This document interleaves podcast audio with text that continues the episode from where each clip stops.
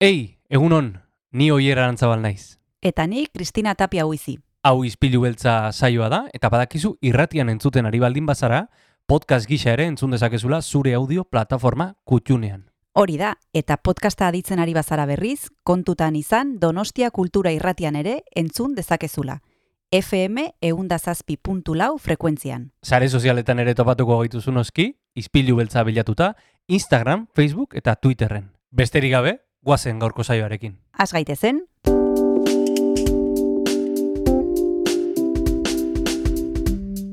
Ispilu beltza. Donostiako kulturaren berri, Oyer Arantzabal eta Kristina Tapia buizirekin. Egunon entzule, aste azkena da, apirilako geita ditu, asteen erdian gaude, eta hau beltza da, Donostia kultura irratian. Izpilu beltzaren parean jarri gara, Kristina, egunon. egunon, E, eta normalean gustatzen zaigu izpiluak islatzen duena, ez? normalean gustatzen zaigu guri behintzat bai, eta espero Mhm. dugu beste aldean dagoenari ere bai. Gure izpilua magikoa delako, ez dio, e, iz, gure izpiluak ez digu gure gure isla erakusten, baizik eta donostiago kulturaren isla, eta esan bezala, ba, normalean, ia beti oso ederra izaten da. Gaur, antzerkiaz hariko gara. Gaur, laske limpian e, lanari buruz arituko gara, eta horretarako gonbidatu dugu lan hau idatzi duena, zuzendu duena, eta baita bertan aktore lanak egiten e, dituen emakumeari gonbidatu diogu, areta bolado izena du, apanaderia konpainiako kidea da, eta esan bezala lugaritzen egongo da, pirilaren hogeita bederatzean, eta bueno, hitz egingo digu hotelak eta olako lekuak garbitzen dituzten emakumeen inguruan, e, beraiekin asko hitz egin ondoren sortu da lan hau, eta ikusiko duzu ze elkarrizketa polita izango dugun jarraian areta boladorekin. Areta bolado gorko saioan, eta nola ez beti bezala e, musika interesgarria, musika ederra, hasier erraztiren bitartez, edo bere laguntzarekin, berari pasako digu testigua. Horixe, eta horrela dugu gaurko izpilu beltza. Guazen.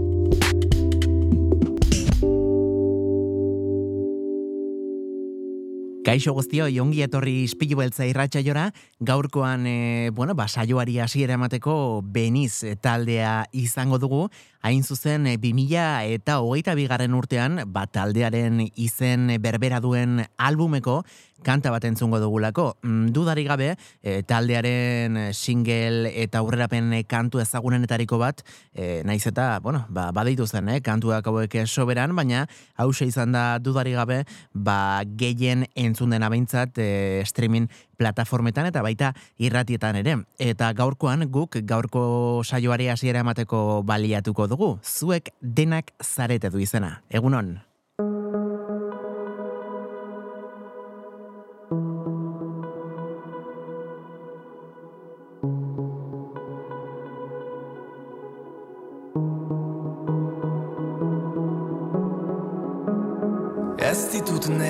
Amets guztiak bete Itxututa haien menpe Ta orain konturatu naiz Behar dudan guztia zuek denak zarete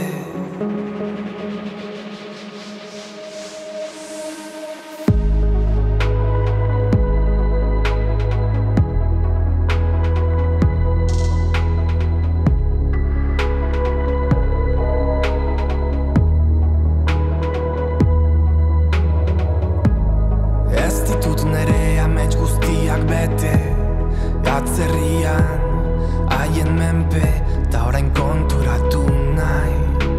Nahi dudana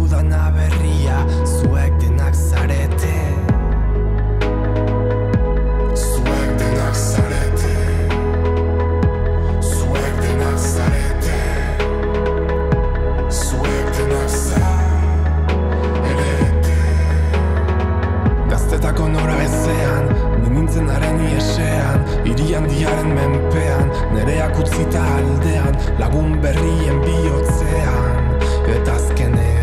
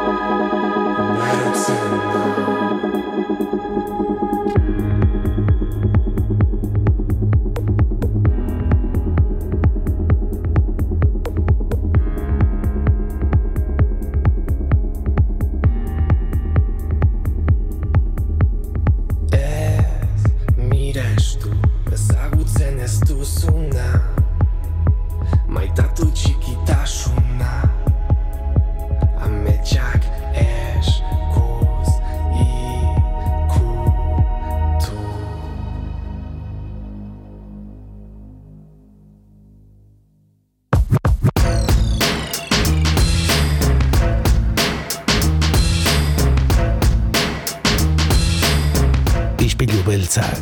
Donostiako kultur paisaiaren isla da Donostia Kultura Irratian eta zure audio plataforman Spotify, Apple Podcast, Google Podcast eta irratia.donostiakultura.eus webgunean.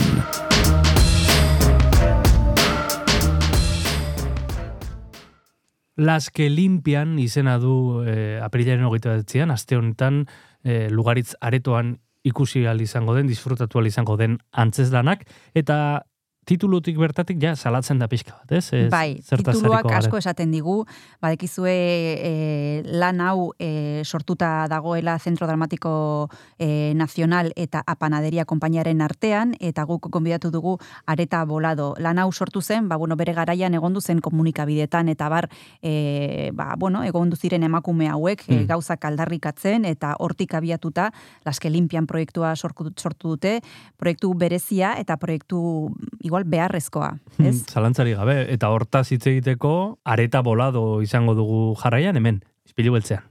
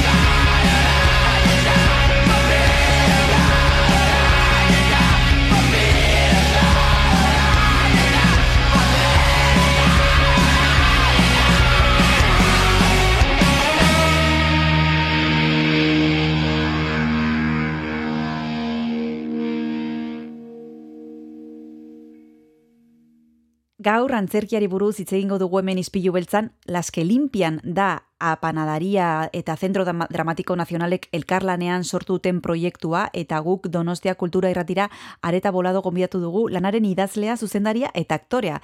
Egunon areta, ¿qué tal estás? Eh, oso hondo. es de lo poco que sé decir, así que no, me, preguntes más. pues lo has dicho perfecto. Eh, vamos a hablar de este trabajo que traéis a Donostia y que vamos a poder ver el próximo 29 de abril en Lugaritz, Las que limpian. Ya con el titular nos podemos hacer una idea, pero cuéntanos, sin contarnos demasiado tampoco, qué, qué nos vais a traer con esta propuesta. Pues el título sí dice mucho porque son las que limpian, las que no tienen nombre, las invisibles.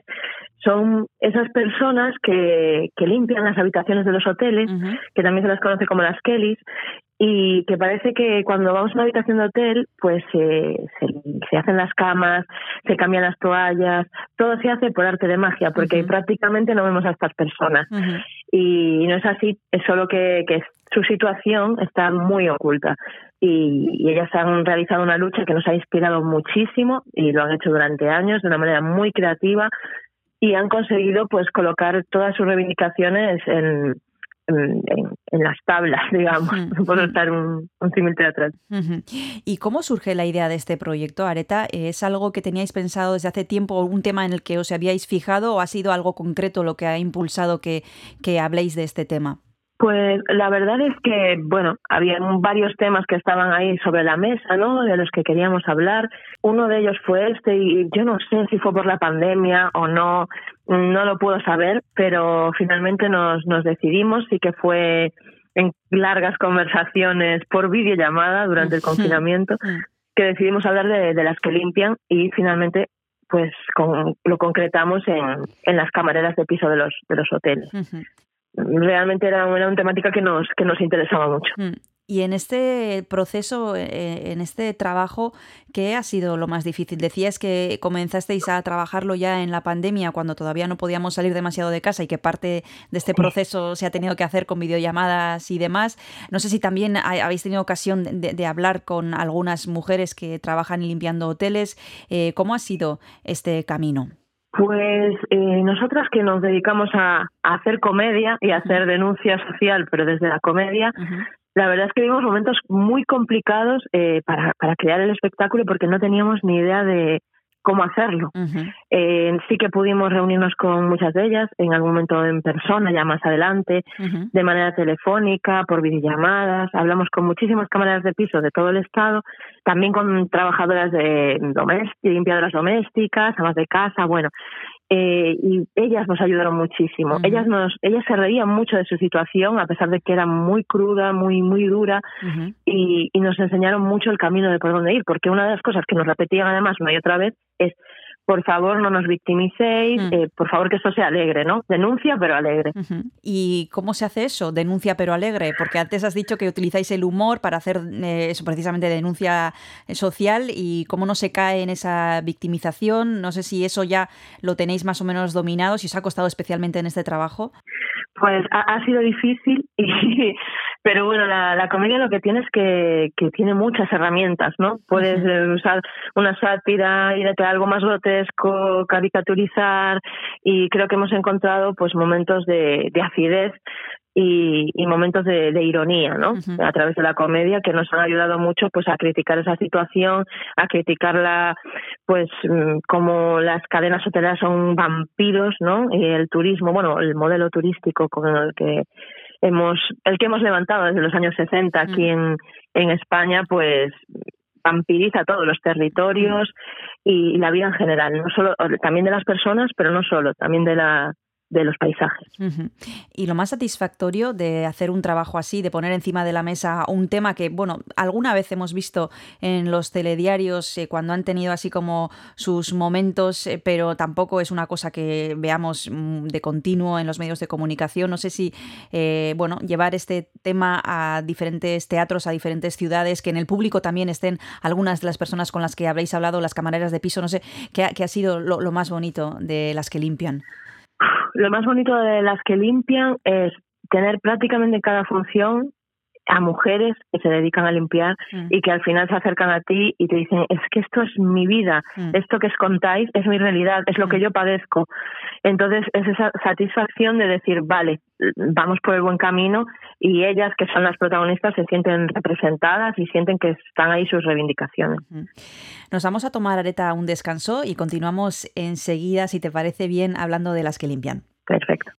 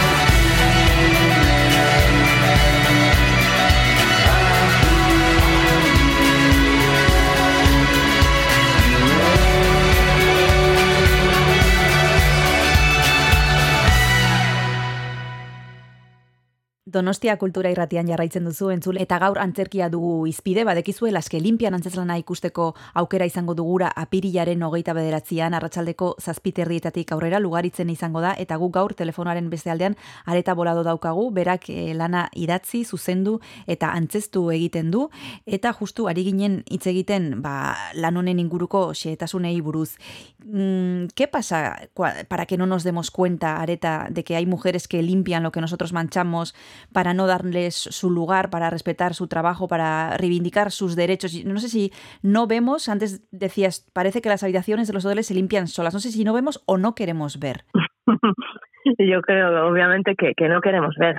No queremos ver a las que limpian los hoteles, no queremos ver que nuestra madre, sea, por decir un ejemplo, hmm. eh, que es ama de casa, mm, se vive trabajando 24 horas disponible. Hmm. Esta cosa de ¿no? las hijas e hijos de limpiadoras que, quiero decir, de amas de casa, perdón, que dicen, no, mi madre no trabaja, no, es que tu madre trabaja todo el día, ¿no? Hmm. Y hay una canción al final de, del espectáculo que dice, puede no ser empleo, no tiene salario, puede no ser trabajo, no, no tiene horario, ¿no? Una mm. cosa así decimos. Mm. Y claro, no tienes ni horario, no tienes salario, pasas toda tu vida trabajando y al final de la, de, pues digamos, de, bueno, cuando entras en la jubilación no, no has cotizado nada, ¿no? Mm. Entonces yo creo que, que sí que, que miramos por el otro lado, porque si miramos directamente a lo que está pasando, a que medio mundo está limpiando la mierda del otro medio, pues tendríamos que hacer algo, ¿no? ¿Es casualidad que este trabajo de limpiar la mierda del otro medio mundo se ha desarrollado por mujeres? Si hubieran sido los hombres los que se dedicaran a estas tareas, ¿hubiera sido diferente? Bueno, yo creo que sí, desde luego, ¿no? Es algo que nos preguntábamos durante el proceso. ¿Este trabajo tiene malas condiciones y por eso lo hacen mujeres o al revés? Como lo hacen mujeres, entonces están malas condiciones. Y la verdad es que es cierto, la mayoría de los empleos feminizados tienen peores condiciones laborales. Entonces, sí, yo creo que la respuesta es sí. Hmm. Pero es verdad que sin este trabajo que realizan en su mayor parte mujeres en los hoteles y también, como decías, eh, bueno, ya en las casas, ¿no? No hace falta irse demasiado lejos, eh, no funcionarían ni esas casas, ni los hoteles, ni muchísimas otras cosas, pero como decías al principio, parece que se hacen solos, es una contradicción, o sea, sin ese trabajo las cosas no serían como son, pero tampoco se visibiliza, entonces mm, no sé si hay mm, solución o esperanza. es que los, los trabajos más esenciales, que son los de pues, limpieza, pero también cuidados, hmm, ¿no? Hmm. Eh, precisamente son los que están en, en, peores condiciones. Entonces, bueno, si todo se viniese abajo, real, que ya creo que haya pasado hmm. y nos hemos dado cuenta de que, de que eso es importante, creo que deberíamos valorarlo más. Pero está, eh, digamos que está así siglos tras siglos, lo, se ha perpetuado esta desigualdad y es algo en lo que en lo que tenemos que trabajar muchísimo, en revalorizar eh, este, estos trabajos que mm. como son hechos por mujeres pues, en, condiciones. En este caso, Areta, en el de las camareras de piso, ellas eh, bueno mm. eh, tomaron la decisión de, de reivindicar y, de, y de pedir eh, por sus derechos, se unieron y bueno han conseguido ciertas cosas que, que han funcionado pues gracias a eso, a, a, la unión, a la reivindicación. Yo no sé si eso también nos da algo de, de esperanza. Sí, sí, nos da mucha esperanza. Eh, si una habitación de hotel no se limpia o si ellas todas paran, el hotel no puede funcionar. Mm. Son básicas para el funcionamiento del hotel mm. y la mayoría de ellas, eh, sobre todo en las grandes cadenas hoteleras, están externalizadas, no mm. forman parte de la plantilla del hotel, no pueden tomar decisiones sobre nada, ¿no? De lo que pasa en el hotel y ay, me estoy perdiendo lo que me preguntabas. Sí, no, te decía, te decía que si en este caso, pues la unión eh, que han tenido las camareras de piso para conseguir ciertas cosas nos dan algo de esperanza. Y, perdón, sí, sí, sí, gracias. Eh, sí que nos da esperanza porque además ellas han hecho una lucha, siempre que pensamos en la lucha obrera, pensamos en hombres mm, rompiendo escaparates y quemando quemando contenedores, ¿no? Que es algo que además dice una de ellas en un espectáculo y las otras dicen, eso está pasadísimo. Y, y ellas lo han hecho de una manera mucho más teatral, mucho más creativa, mm, han encontrado una manera mm, desde el humor para reivindicar y han conseguido ya muchas cosas. Primero, que estemos hablando de ellas. Sí. Y, y segundo, por ejemplo, en Baleares acaban de, conseguir hace muy poco que se apruebe mm, pues que todos los hoteles en un periodo de unos años tengan que transformar todas sus camas en camas autoelevables, hidráulicas, que les permiten, bueno, pues forzar mucho menos la espalda. Nos vamos a tomar, Areta, el segundo y último descanso y continuamos enseguida hablando contigo sobre las que limpian. Muy bien.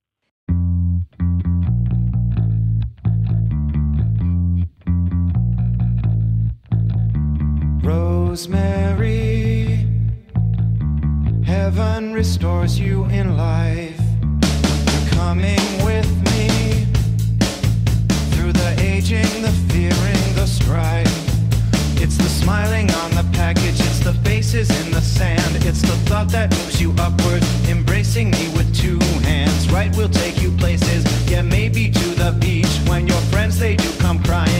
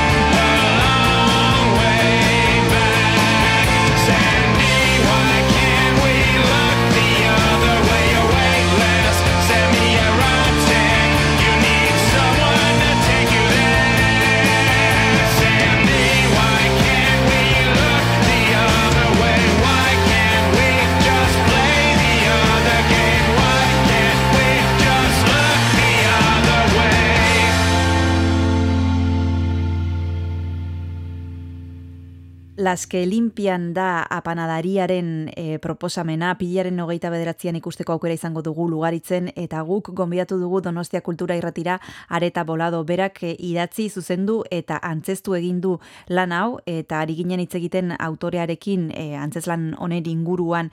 Hace poco, Areta eh, no está estrictamente vinculado con las camareras de piso, pero un poco me viene a la cabeza esto. Eh, un juez sentenció que un hombre debería pagar a su exmujer eh, más de 200.000 euros, si no recuerdo mal, por haberse ocupado en exclusividad de la casa y de las hijas, que parece mucho dinero así, ¿no? 200.000 euros, pero simplemente es la suma de los sueldos mínimos de cada año, de cada momento.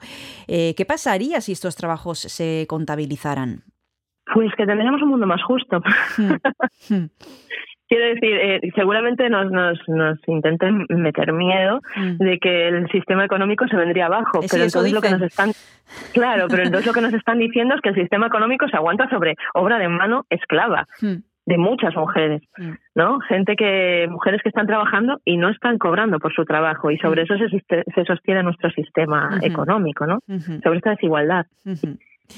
Bueno, en este trabajo, decíamos en la introducción en Euskera, Areta, eres escritora, directora, también actriz y no sé cómo se compaginan las tres cosas, cómo se hace, porque así visto desde fuera me parece súper difícil. Eh, ¿cómo, ¿Cómo lo hacéis? Con vida monacal. durante, durante el proceso de, de creación tenemos una época de, de documentación así bastante larga entre las tres, Noelia, eh, Aileen y yo. Y después ya cuando nos metemos de lleno en el proceso de creación es prácticamente todo el día dedicado, dedicado a ello, porque nuestro proceso de creación, cuando empezamos los ensayos, empezamos de cero, no hay ningún texto escrito, no hay nada, Mm. es el vacío. Entonces, tenemos mucha documentación, llegamos a acuerdos sobre los lugares por los que queremos pasar y empezamos a elaborar, en este caso, una pequeña historia que fue reformulada no sé cuántas veces Mm. y vamos a- realizando improvisaciones en la práctica como actrices, grabamos, recogemos esos, esos textos, los rehacemos, volvemos a improvisar y así una y otra vez hasta hasta que tenemos el espectáculo, sumado a Aileen, que además es compositora de toda la música original del espectáculo. Entonces, mm, pues vamos saltando de un lugar a otro, de la práctica a una parte más teórica, y yo creo que quedan unos espectáculos bastante frescos y que da la sensación de improvisado. El otro día había una persona en el público, bueno, un hombre diciéndole a, a su mujer, es que improvisan todo el tiempo, lo escuchábamos, ¿no? Desde el escenario. Mm. No es cierto, pero lo parece. Mm. Entonces, yo creo que, que esto es un reflejo de, de, la, de la metodología ¿no? de creación que, que seguimos. Al principio citabas que una de las cosas más satisfactorias de, de este trabajo de las que limpian es que muchas veces se han acercado a veros, eh, bueno, amas de casa, camareras de piso. Eh, no es un trabajo para ellas, ¿no? Eh, ahora mismo has dicho, había un hombre que le decía a su, a su pareja, tal vez sería interesante que lo vieran también los hombres, ¿no? Por supuesto, por supuesto, Sí. esa es la cantidad de mujeres que van con sus maridos y acaban dándole codazos al final del espectáculo. Claro, pensamos que está superado esto. Ah. Mucha gente dice que está superado. Y sabemos que en las parejas heterosexuales las mujeres dedican 20 horas semanales a los trabajos del hogar y los hombres 11. Mm. Entonces no está para nada superado, no hemos llegado para nada a un reparto equitativo de, de tareas ni a la corresponsabilidad. Este trabajo, Areta, viene después del éxito que cosechasteis con Elisa y Marcela.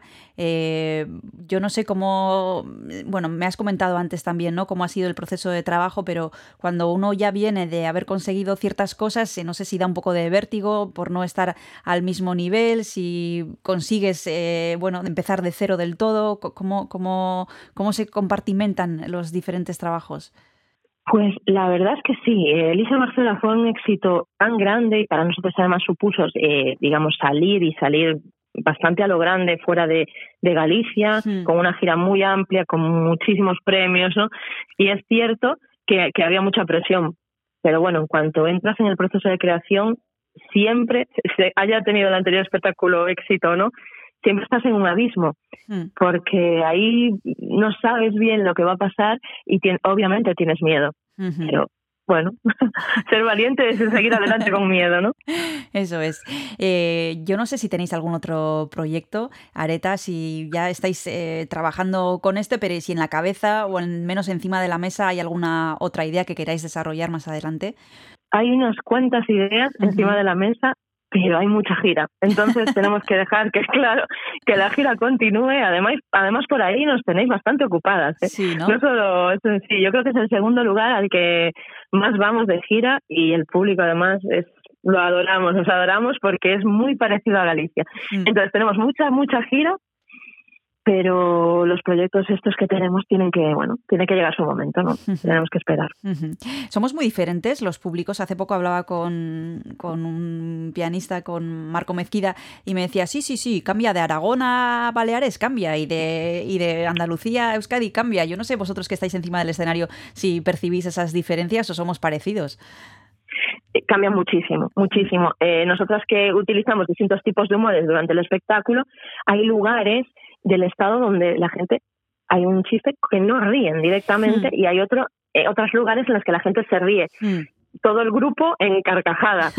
Entonces, sí, el humor del norte yo creo que es un poquito más crudo Mm. que, que igual el humor de- del sur. Igual trabaja un poco más con el absurdo o así, pero sí, en el norte, eh, cuidado, somos, tenemos un humor ácido, nos gusta. Bueno, Sí, sí. pues con esta propuesta eh, que nos traen desde Apanadaría, que bueno, es un tema complicado, es un tema eh, profundo, pero que a través del humor, pues supongo que se nos va a hacer eh, más, más ameno. Las que limpian es la propuesta que podemos disfrutar el próximo 29 de abril en Lugaritz. Muchísimas gracias, Areta Volado, por haberte acercado a Donostia Cultura y Ratía. Un abrazo muy grande y hasta la próxima. Es que ricasco. Agur. Agur.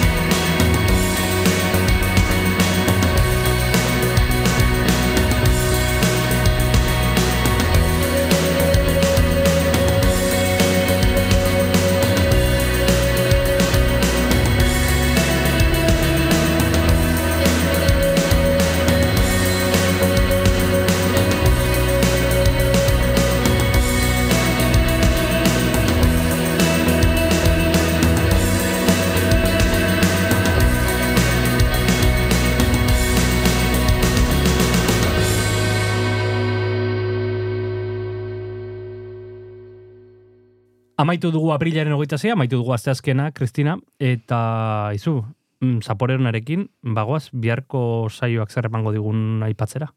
Bihar osteguneko luxuzko gonbidatua, Josemi Beltran batetik zinemari buruz, importante, Importante. oso importante, zinemari buruz arituko zaigu, eta gainera, hitz egingo dugu dantza mota baten inguruan, baile sozial Lindy Hop izena du eh, antolatu duten ekimena piriaren hogeita bederatzean larratxon, eta hitz egingo dugu Ana Mingezekin, ze bera da Donosti Lindy Hop elkarteko kidea, badekizu nola jasaldian batzuetan hor terrazetan egoten diren oso dotore jantzita e, bikoteak, dantzatzen, e, jazz eta Bai. mm, horrelako musika beste garai bateko mm, pertsonak ematen dutelako ezakite ikusi izan dituzun noizbait. E, ikusi izan dut noizbait, baina oso, Oso dotore, oso elegante, e, berro, klake, klake dantzariak bezala. Mm, bai, baina ez da klake, jasa dantzatzen Jazza da, dute, vale. eta berrogeita mar e, amarkadako musika, eta Galdera horrelakoak. tengo izut, Kristina, noiz egin zenuen azkeneko dantza.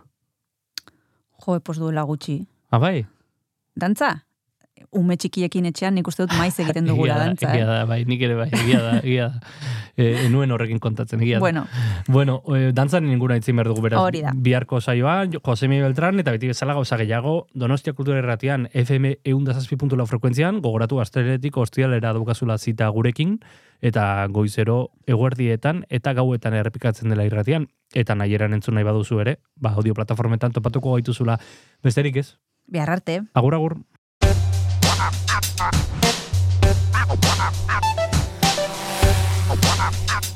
Donostia kultura irratia.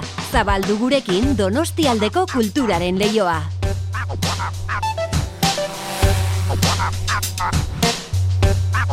Oh.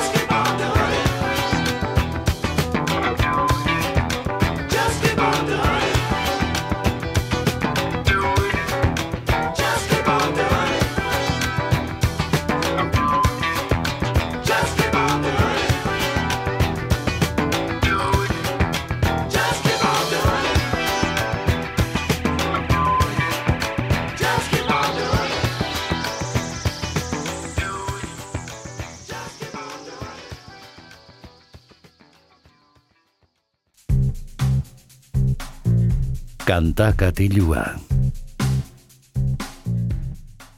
Kaixo entzule, ongi etorri kantakatilua talera, badakizue dagoeneko atal honetan musikari eskaintzen dizkiogula datozen minutuak, eta gaurkoan ere alax egingo dugu. E, gainera modu berezi batean, asteazkena delako, eta asteazkenetan e, musika klasikoa izaten dugulako izpide hemen. Eta gaur e, Mozartek idatzitako azken obra e, entzungo dugu, mm, obra erabat misteriotsua, ez da zinguratuta egon den obra bat e, betidanik Requiem K seireun eta hogeita sei obra hain zuzen, eta zergatik egonda betidanik obra hau, bueno, ba, polemika tartean sartua, ba, historialariek eh, ez dutelako oso argi nola izan zen sortua obra, hau. Izan ere, bueno, mm, jakina dena da aristokrata batek eh, Requiema anonimoki enkargatu ziola, eh, ondoren Mozarti iruzurra egiteko asmoarekin, eh, gero bere emaztearen oroimenean interpretatzeko obra hau. Gertatu zena zen, ba, Mozartek eskaini bertzuen azken kontzertua baino lehen, e, bueno, ba, pertsona bat agertu zela beretxean, e, beltzez jantzita, bisitari misteriotsu bat, eta e, Mozartek pentsatu zuela, ba, bera patuaren mezulari bat e, zela. Eta e, komposatzea eskatu zion rekim hori, bain zuzen bere hietarako izango zela. Mozartek hori sinetxita, e, mila zazpireun eta laurogeita amaikako iraiaren seian hasi zuen, bueno, ba, lan hau, eta urte horren abenduaren bostean hiltzen. E, denboraldi horretan gainera txirula magiko opera eta beste bi enkargu ere bukatu zituen eta hala ere e, bueno, barrekiema amaitu gabe geratu zen. E, Mozarten emazteak lana bukatzeko kompositore bat e, bilatu omen zuen eta hipotesiriko onartuena Frank Xaber e, susmairek e, bueno, Mozarten ikasle izandakoak e, amaitu zuela rekiema da. Beraz, bueno, misterio guztionen artean mm, argi daukagun gauza bakarra da sekulako pieza, sekulako obra eder eta zoragarria geratu dela, e, mila zazpireun eta laurogeita amaikagarren urtean sortutakoa, eta guk e, ontaz gozatuko dugu, datozen minutuetan hemen, Donostia Kultura Irratian.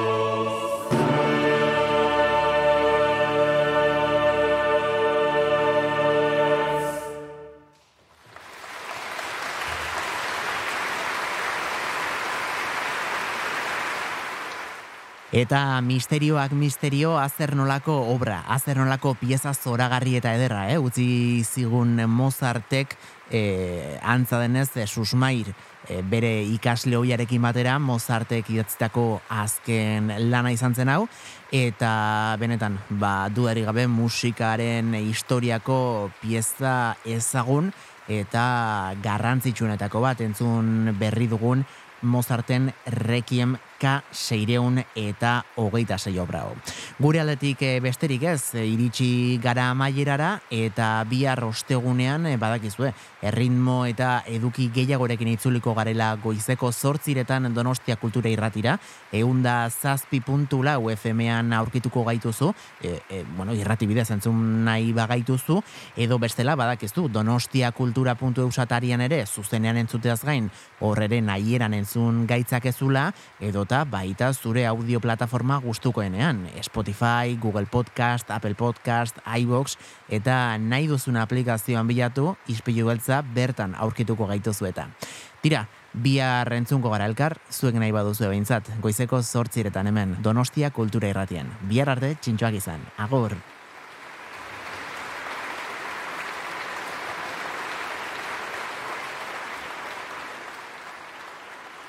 Ispilu beltza podcasta entzungai duzu irratia.donostiakultura.eus webgunean, Spotify, Apple Podcasten, Google Podcasten edo zure audio plataforma kutxunenean.